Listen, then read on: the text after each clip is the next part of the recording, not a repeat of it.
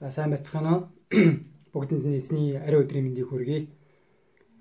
Тэгээд э, та бүхэндээ бас онлайнаар те ингэж хүндэтгэл мөргөл өргөж эзний үгийг хуваалцах болсондоо бас баяртай байна. Тэг өнөөдрийн номлын нэр бол таны хүслээр болог гэсэн нэртэй байна. Гол ишлэл 14-ийн 36 дугаар ишлэгийг хамт уншицгаая. За эхлэе. Есүс Аба, Аба танд бүх юм боломжтой. Надаас энэ аягыг алгасуулаач. Гэвч миний хүслээр биш харин таныхаар болог гэлээ. За би залбирая. Хайртай бурхан аваа сул дорой гэмтээ биднийг Есүс Христийн нэрээр аварч бас өөрийн нэгүслэр өдөрдөж байгаад баярлалаа. Марк номыг бас зөвшөөрөн өгч хайр ивэлтэй үгийг бас зааж сургаж олон зүйлийг бас бидэнд таниуж мэдүүлж байгаад талархаж байна. Энэхүү цагийг та өөрийн ариун сүнсээр удирдах өгөөрэй. Таны үгийг сонсох хүн бүрийн дээр таны бас ивэл өрөөл нэгүсэл байх болтугай. Таны үгийг дамжуулж бай. Сул дорой хүүгэж гисэндээ та өөрийн ариун сүнс өөрийн мэрэгэн оюухан ариун сүнсний хүч чадал дотор та удирдах өгөөч. Энэхүү цагийг эзэн танд даатгаж Есүсийн нэрээр залбирч байна. Амен. Тэгээ бурхан танд хандсан хүсэл төлөвлөгөө юу гэдгийг та мэдхүү хүмүүрт өөрт нь хандсан бурхны хүслийг тодорхой мэдэж авахыг хүсдэг. Зарим хүн бурхны хүслийг мэдэж байгаа боловч дуулууртай дагахыг хүсдэггүй бөгөөд өөрийн хүсэл ба төлөвлөгөөг илүүд үздэг.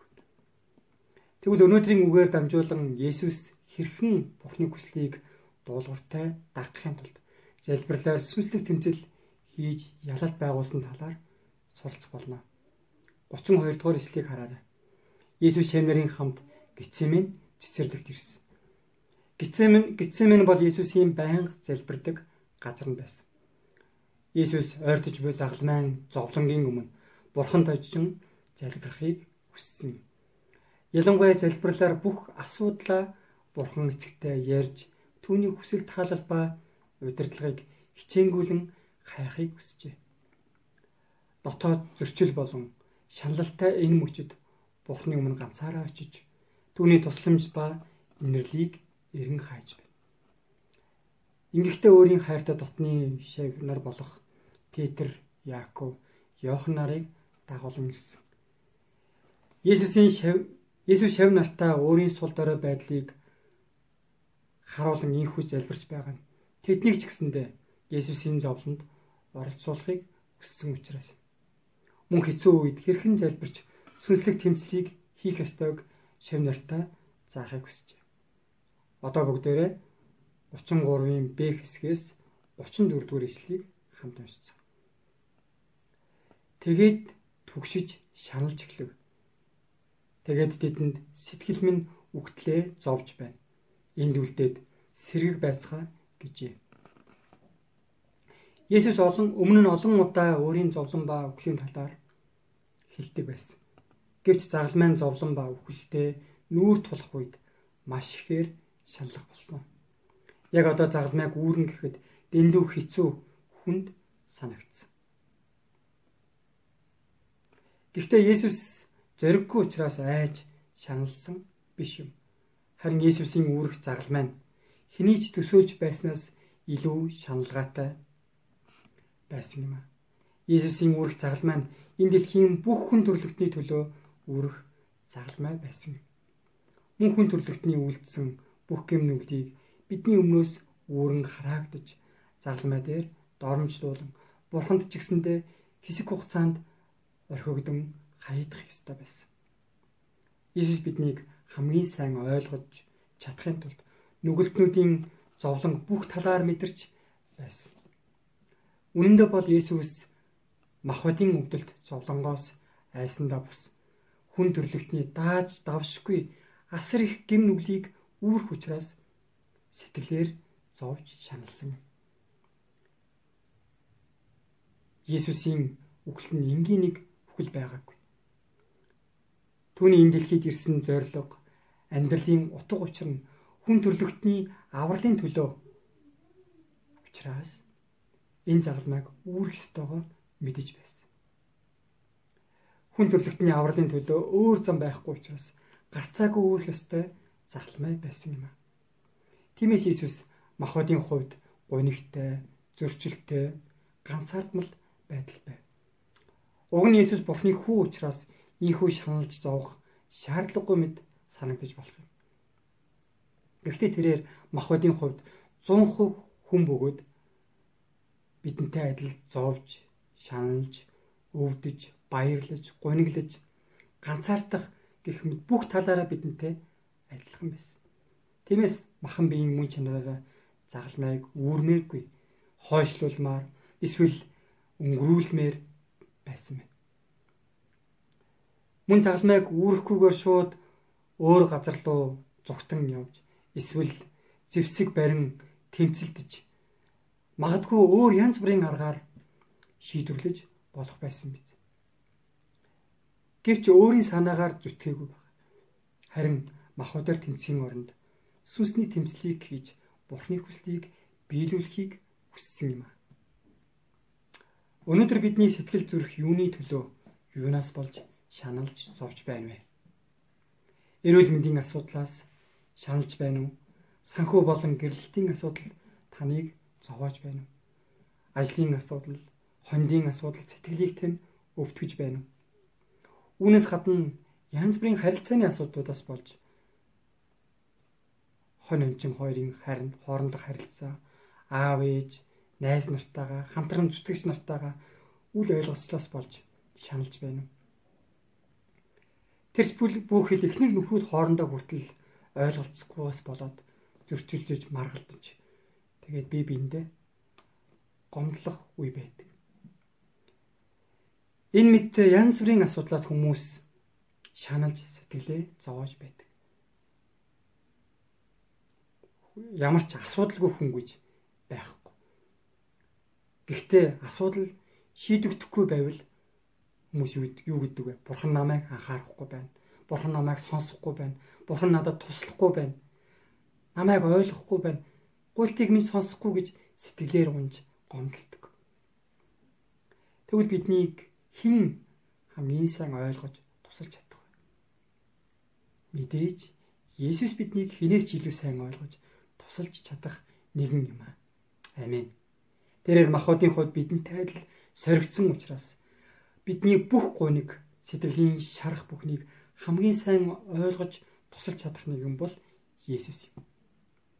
Миний бүх бүтэлгүйдэл яалагдал, уйтгар гуниг, ганцаардал, сул дорой байдал, санаа зовлтыг хамгийн сайн ойлгож тусалж чадах нэгэн бол зөвхөн Иесус юм. Амин. Одоо 35 дугаар ишлэлийг хараарай. Есүс Есүс жаахан цааш яваад газар онож хэрэг боломжтой бол тэрхүү цаг хажуугаар нь өнгөрөхийг залбирваа гэсэн. Эндээс харвал Есүс газар унаж залбирлаа гэж байна. Газар унсан гэдэг нь Бурханд дуулууртай төлөв даруй байдал болон өөрийн сул доройг хүлээн зөвшөөрч буй илэрхийлэл юм а. Хэрэг бидний амьдралд ямар нэгэн асуудал байвал юуны төрөнд Бурхны өмнө өвдөг сүгдэн газар тунан залбирх хэрэгтэй. Энэ нь өөрийн бодол санаа, махбодын хүсэл шунал, бардам зөрүүд болон дуулуургүй байдал зэргийг бүгдийг нь хоослон Бурхны өмнө очихыг хэлж байна. Хэрэг бид өөрийгөө ийхүү хоослох хоослохгүй бол гаднаас нь харахад итгэлтэй, хичээнгүй залбирч байгаа мэт боловч зөвхөн өөрийн хүслийг л Бурханд тулгаж биелүүлж өгөхийг шаардаж заавал Бурханаас авах ёстой. Бурхан заавал биелүүлэх ёстой гэх мэтэр Ийм хүмүүс нь өөрийн хүслийг биелүүлэхийн төлөө би энэ ажилд ормоор байна. Би энэ хүнтэй гэрлэмээр байна. Би ийм байранд амьдрмаар байна. Би ийм машинтай болмоор байна. Би тийшээ ч явмаар байна, ийшээ ч явмаар байна. Би ийм ажил хиймээр байна гэх мэт зөвхөн өөрийн хүслээр бурхан залбирдаг. Ийхүү хүссэн зүйлээ залбирахад бурхан залбиралд нь хариулж туслахгүй бол гомдлож итгэлээр унаж эхэлдэг. Энэ бол сүнсээр балчир хүмүүсийн хандлага юм аа. Ийхүү өөрийгөө төвд тавьсан хандлагаар залбирах нь залбирч байгаа хүмүүсийн гол асуудал нь болдог. Тиймээс бидний залбирал Бурхны хүслээр биелэхийн төлөө Бурхны хүслийг биелүүлэхийн төлөөх залбирал байх хэрэгтэй. Амен. 1-р Иохан 5:14-д бид түүний хүслийн дагуу юу ч гуйсан. Түүний хүслийн дагуу юу ч гуйсан гэж. Тэр биднийг сонсдог нь түүний өмнө бидэнд байгаа итгэл зориг юм аа гэж. Бид өдөр болгон даруй сэтгэлээр өөрийн хүслийг үгүйсгэж амьдрах нь маш чухал юм. Эс бөгөөс өөрийн хүслийг Бурхны хүсэл хэмээн андуурч өөрийнс өөрийн санаагаар үлдэхэд хүрдэг. Тэгвэл Есүс хэрхэн залбирч Бурхны хүслийг дуулууртай дагсан талаар суралццгаая. Одоо бүгдээрээ хамт 36 дугаар эшлэлийг уншицгаая. За эхлэе. Есүс Аба, Аава, танд бүх юм боломжтой. Надаас энэ аягыг алгасуулаач. Гэвч миний хүслээр биш, харин таныхаар болог гэлээ. Юуны төрөнд Есүс Аба, Аава хэмээн дуудсан. Энэ нь Есүс ба Бурхан эцэг хоёрын ойр дотн хайр ба итгэлцлийн харилцааг илтгэн харуулж байна. Үүнчлэн Бурханы хайранд бат итгэж эргэлзэлгүйгээр залбирах нь маш чухал гэдгийг энд хэлж байна. Тэр Бурхны хайранд эргэлзэж эхэлбэл Бурхантай харилцах харилцаа хүндэрч үнэн сэтгэлээр залбирлыг өргөж чадахгүй юм. Бид хүнд хэцүү нөхцөл байдалд орох үедээ Бурхны хайранд эргэлзэн гомдлох нь амархан байдаг. Иесус амьдралынхаа хамгийн хэцүү сорилттой үед ч гэсэн Бурхан аавынхаа хайранд огт эргэлзэж гомдлоогүй. Учир нь бурхан эцэг нь хүүгээ хамгийн сайнаар удирдах хизэж орхихгүй гэдэгт бат итгэж байсан юм. Энэ л итгэл найдвар дотроо эцэг минь боломжтой бол энэ цагийг хажуугаар өнгөрүүлээч. Энэ аягыг алгасуулаач хэмээн зүр сэтгэл дотор байгаа бүх төр зөрчил сэтгэлийн гүндэх тэр бүхнээ үнэнчээр илчилсэн байна. Энэ цаг ба аяг гэдэг нь Иесус Христийн загламын цуглан ба үхлийг хэлж байна. Иесусийн хувьд дөнгөж 33 настай. Ирч хүчтэй, цус шингэн, ид хийж бүтээх насандаа байсан учраас олон хүний гимээс аварч сайн мэдээг газар бүрт тунхаглаж тэгээд итгэлээр төдийлөн сайн өсөж төлөвшөж чадаагүй байгаа тэр дагалдагч нараа гүн бат итгэлтэй болох хүртэл нь өсгмөр байсан биз. Нийгмийн талбар бүрт олон үйлчлэг хийж Бурхны тусламж хэрэгтэй байгаа тэр бүхий л хүмүүст туслахыг үнэхээр их хүсэж байсан байхаа. Тийм учраас өөрийнх нь хийх ажил дуусаагүй. Тэгээд ч өөхөх цаг нь болоогүй гэж бодож байсан биз. Ийхүү олон зүйлийг бодон шанаж байгаа боловч өөрийн санаагаар зөрүүдлэн зүтгээгүй. Харин миний хүслээр биш. Харин таны хүсэл биелэх болтугай гэж залбирсан. Эндээс харвал Есүс өөрийн бүхэл хүсэл мөрөөдөл, өөрийн төлөвлөгөө, санаа бодлыг өөрийн гисэн бүхнийг бүрэн үүсгэсэн гэдгийг ойлгож байна. Тийхүү тэр Бурхны хүсэл, мөрөөдөл, төлөвлөгөө хийх ажилд нь бүрэн итгэл найдвар тавьсан. Энэ нь Бурхан аавдаа хандсан итгэл төдийгүй Бурхныг л баярлуулах гэсэн чин хүсэл байсан. Ийхүү залбирлаар шаргуу тэмцлийг хийснээр сүнсний эргэлт хийж итгэлийн шийдвэрийг гаргажээ. Иесус хамгийн хэцүү зөрчил шаналлын дунд ч гэсэн өөрийгөө баярлуулахаас илүү Бурхныг баярлуулахыг хүссэн. Иесус өөрт нь хандсан Бурхны тааллыг мэдэж байсан. Тэгээ зарламаг үүрэх хүч харин дутаж байсан байгааг ухаарсан байна. Тиймээс тууштай шаргуу залбирлаар загалмайг үүрэх ариун сүнсний хүчийг хүлээн авсан. Бид ч гэсэн өөрт минь хандсан бурхны хүслийг мэддэг бөгөөд дуулууртайгаар загалмайн замаар явах ёстойгооч сайн мэддэг. Гэвч үүнийг биелүүлэх хүч ба ихтгэл бидэнд дутагдж байдаг. Тэгээд загламанаас зүгтмаар санагддаг. Амар хэлбэр тав тухтай, зовлон, хавчлаггүй ямар ч асуудалгүй амьдрахыг хүсдэг. Хэрвээ одоо ч гэсэндээ хэрвээ таны дотор ийм бодол байгаа бол ийм эргэлзээ байгаа бол гэвч миний хүслээр биш бурхан таны хүслээр биелэх болтгой гэж залбирч байгаа Иесусыг санацгаая. Жинхэнэ залбирал бол өөрийн хүсэл ба төлөвлөгөөг бүрэн үгүйсгэж Бурхны хүсэл таалал ба удирдлагад өөрийгөө нийцүүлэн бууж өгөх тэмцэл юм. Хүмүүс ер нь залбирлын талаар маш сайн мэддэг. Хэрхэн яаж залбирах ёстойгоо ч мэддэг. Залбирахгүйгээр сүнслэг тэмцэлд ялаж ялалт байгуулж чадахгүй гэдгээ ч мэддэг. Гэхдээ залбирахын тулд цаг гаргаж тууштай тэмцлийг хийдэггүй зориулалт гаргадаг үйл асуудал байдаг. Мэдээж залбирал бол сүнслэг тэмцэл учраас амаргүй хэцүү байдаг. Гэхдээ залбир бол бурхан мэрэгэн ухааныг ариун сүнсний хүчийг дүүрэн өгөх болно. Залбир бол бурхан боломж ба үүд хаалгуудыг нээж өгдөг юм. Залбир бол бурханы хүслийг биелүүлж дуулууртаа дагах халуун сэтгэлээр дүүрэх болно. Амен. Одоо бүгдээрээ 41 42-ын А ишлэгийг хараарай. Есүс 3 дахь удаага ирж тэдэнд та нар унтаж амарсаар л байна. Одоо боллоо. Цаг нь нэрлээ. Харагтун хүний хүн өгөлтнүүдийн гарт тушаагдж байна. Бос явцгаая гэж хэлсэн. Есүс 3 удаа залбирсан бөгөөд энэ нь дахин дахин тууштайгаар зогсолтгүйгээр Бурхны хүслийг дагах хүртлээр залбирсныг харуулж байна. Тэрээр загламын зовлон үүрч чадах хүчийг олох хүртлээр айдас сэтгэлийн шаналл төгшүүр бүхнийг арилж амар тайван ба итгэл зоргийг олох хүртлээр залбирсан.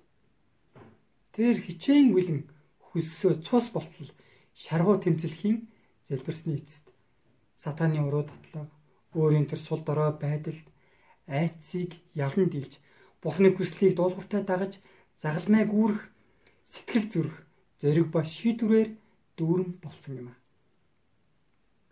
Залбирсны дараа тэрээр өөрийн хүслээс Бурхны хүсэл рүү махан биеийн хүслээс сүнсний хүсэл рүү эргэлтийг хийж чадсан. Өөрөөр хэлбэл Бурхны хүслийг бүрэн дуулууртай дагах сэтгэл сүнс мах бодвэр бэлэн болсон. Өөрийн дотор байсан махбодын хүслээ бүрэн хоосолж сүнслэг хүслээр дүүрчээ. Тиймээс Бурхны хүслийг бүрэн дуулууртай дагаж Бурхныг баярлуулахаар шийдсэн. Есүсийг баривчлахаар ирж байгаа дайснуудтай нүүр тулахаас өмнө Бурхны өмнө очин Бурхантай нүүр тулан уулзаж сүнсээр ялалт байгуулсан юм аа. Амен. Тэгвэл өнөөдөр бидний залбиралт ямар байна вэ? Бурхан Монгол улсыг хаанд тахиж ариун үндэстэн Бурханы эзэмшлийн арт түмэн болгож өгөхийн төлөө залбирах хэрэгтэй.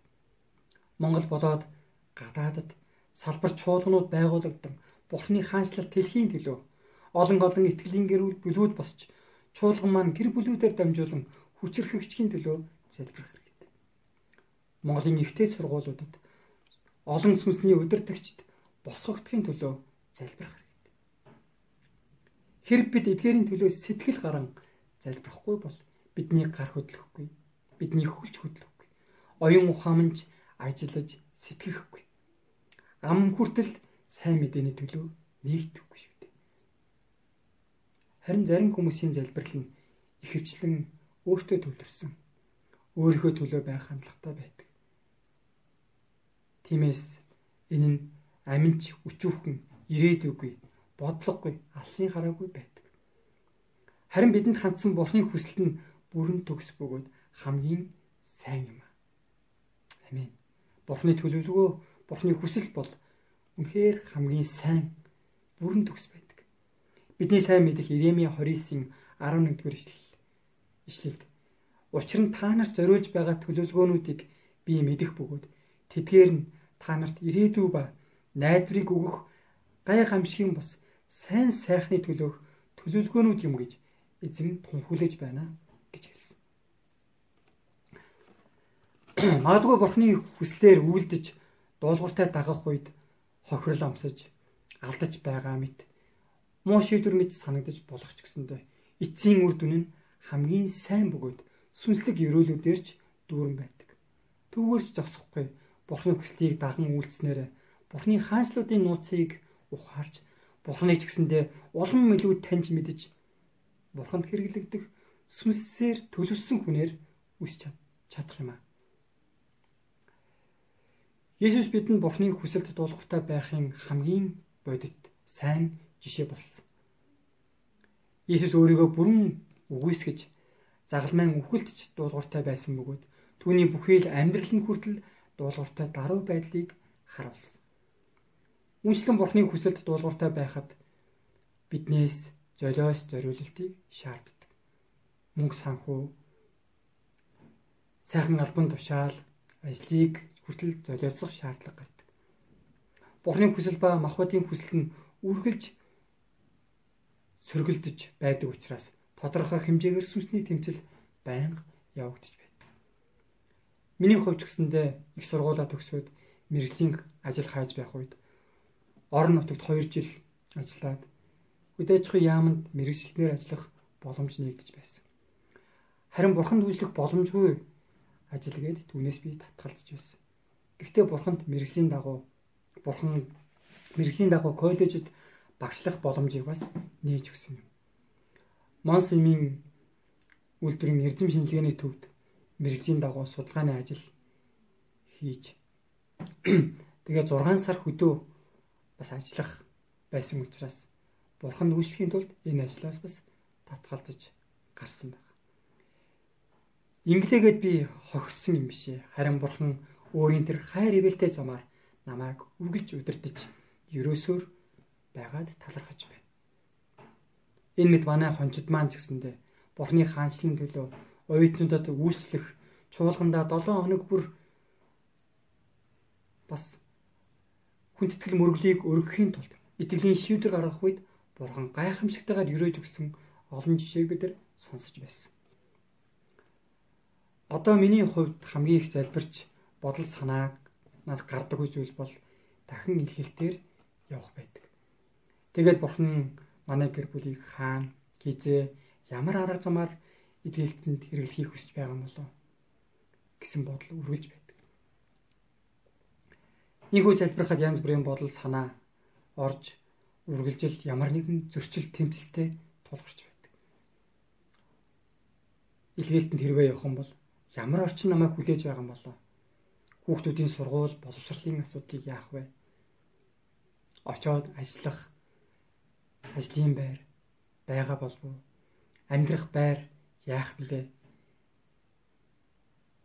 Одоо байгаа шийдэгдэггүй байгаа тэр асуудлуудыг яах вэ гэсэн маш олон асуудлууд араараасаа гарч ирж. Үүнээс болоод шийдвэр гаргах чадахгүй байсаар л байна. Тэгээ өнөөдрийн үгээр дамжуулан өөрийн дотор байгаа махбодын хүслийг бүрэн хоослох хэрэгтэй бөгөөд даван туулж сүнслэг хүчийг бүрэн дүүрэн авах хүртэл туйштайгаар хичээнгүйлэн залбирсаар байх ёстойг суралцлаа. Энэ цагт Иесусийн залбирлаас суралцаж Бурханд хэрэглэгдэх хүн болохын тулд өөрийн хүслийг бүрэн үгүйсгэж Бурхны хүслийг дагах хүртэл туйштайгаар залбирснаар сүнсний хүнээр үсч чадахыг хүсэнгуйж байна. Иесус залбирлаар тэмцэж байхад харин Иесусийн шавнар юу хийж байсан бэ? Тэдний хандлага ямар байсан бэ? Иесус залбирч байгаад ирэхэд шавнар нь унтцаар л байсан. Хүн бүрл залбир чухал гэдгийг мэддэг боловч яагаад залбирдаггүй вэ? Залбирал нь бодит амьдрал дээр хэцүү зүйл байдаг. Тийм учраас шавнар шиг унтаж сэтгэлээ тайвшруулж бодит асуудлаас зогтохыг хүсдэг. Тийм учраас шавнар шиг Миний хувьд ч гэсэндээ сэтгэл сон зовоосон санаа зовоосон тийм асуудал байх юм бол унтаад тэгээ төрж болов сэтгэлээ тайвшруулж асуудлаас зугтахыг хүсдэг. Энэ бодит байдлаас зугтаж байгаа үйлдэл болохыг ойлгож миний хувьд ч гэсэндээ энэ байдлынхаа төлөө Бурхны өмнө гэмшиж байна. Ийм шавнар болон бидэнд Есүс тэгвэл ямар чухал захаасыг хэлсэн бэ? 38 дугаар бичлэгийг үзээрэй. Соригдохгүй тулд сэргэг бай залбир. Сүнс чухамдаа тэсэн ядаж байна. Харин махбод сул дорой юм гэл. Энэ нь ямар ч нөхцөл байдалд байсан залбирах ёстой шалтгааныг хэлж байна. Хүмүүс бид сул дорой гэдгээ юуны төрөнд хүлээн зөвшөөрөх хэрэгтэй юм аа. Бурхны тусламж ба мэрэгэн ухаангүйгээр юу ч зөв хийж чадахгүй гэдгийг ойлгох хэрэгтэй. Мөн энэ дэлхийд амьдрахад муурын сүнс биднийг үргэлж унахыг хүсдэг ба уруу татлага сорилт байдаг учраас сэрэг байх ёстой юм. Хэрв хүн өөрийн сул дорой хүлээн зөвшөөрч байгаа бол ямар ч зүйл дээр Бурхны тусламжийг хүсэн залбирахыг бүхний түрүүнд тавих нь ойлгомжтой. Харин бардам хүн бол өөрийн аргаар, өөрийн туршлага ба мэдлэг чадвараар, өөрийн ухаанаар шийдвэрлэх гэж хичээснээр хичээснээс залбирлыг орхигдуулдаг. Түүнээсээ болоод асуудалд орж, буруу шийдвэр гарган, буруу замаар будаа тайж, буцахтаа шороод идэг. Хэрвээ бид том жижиг ямар ч асуудлын өмнө бурхан хандан залуугаар даруугаар залбирдаг бол Бурхны тусламжтайгаар ялалтын амьдралаар амьдарч чаднаа. Сэрэгдэхгүй тулд сэргийг байж залбирч чадахыг хүсэн гойж байна. Амен. Бид хэрвээ сэргийг байж залбирх юм бол Бурхны хүслийг үүсгэж байгаа тэр дуулуургүй бардам байдлуудаа гимшиж Бурхны хүслийг хүслийн дагуу захирагдж чадна. Сэргийг байж залбирвал ариун сүнсний хүчийг авч ямар ч загалмайг төвгүй үрэх сүнслэг хүчтэй болох болно. Сүнслэг сэргийг байж залбирвал махбодын бодол санаа ба хүслийг бүрэн хоосолж зайлуулан сүнслэг хүслээр дүүрч бурханд хэрэглэгдэх хүнээр өсч чадна. Амен. Энэ цагт Иесусийн Гитсемен дэх залбирлыг үргэлж санан Аава, миний хүсэл бас таны хүсэл биелэх болтугай гэж залбирдаг хүмүүс болохыг хүсэн өрөөж байна. Амен. За хамтдаа залбирцгаая. Хайртай бурхан аваа энэ цагт өөрийн үгийг өгсөнд баярлалаа. Миний хүсэл бус таны хүсэл биелэх болтугай гэж Иесусийн залбирсан энэхүү залбирлыг бидэнд зааж өгсөнд талархаж байна. Бид бүхэн өдөр болгон өөрийн махбодын хүслийг үүсгэж Бурхан таны хүсэл тааллыг эренг хайж өдөр болгон залбирлаар сүнслэг тэмцлийг хийдэг байхад та биднийг удирдах өгөөрэй. Тэгснээрээ ч гэсэндэ таны хүсэлд дуулууртай байж үнэхээр сүнслэг тэр үр жимсийг сүнсний тэр ялалтыг байгуулдаг амьдралаар биднийг удирдах өгөөрэй гэж хүсэн гуйж байна. Цагт өгөө өгсөнд баярлалаа. Өөрийн үгийн дагуу та биднийг удирдах хөдөлгөж өгөөрэй. Есүс Христийн нэрээр даатхан залбирч байна. Амен.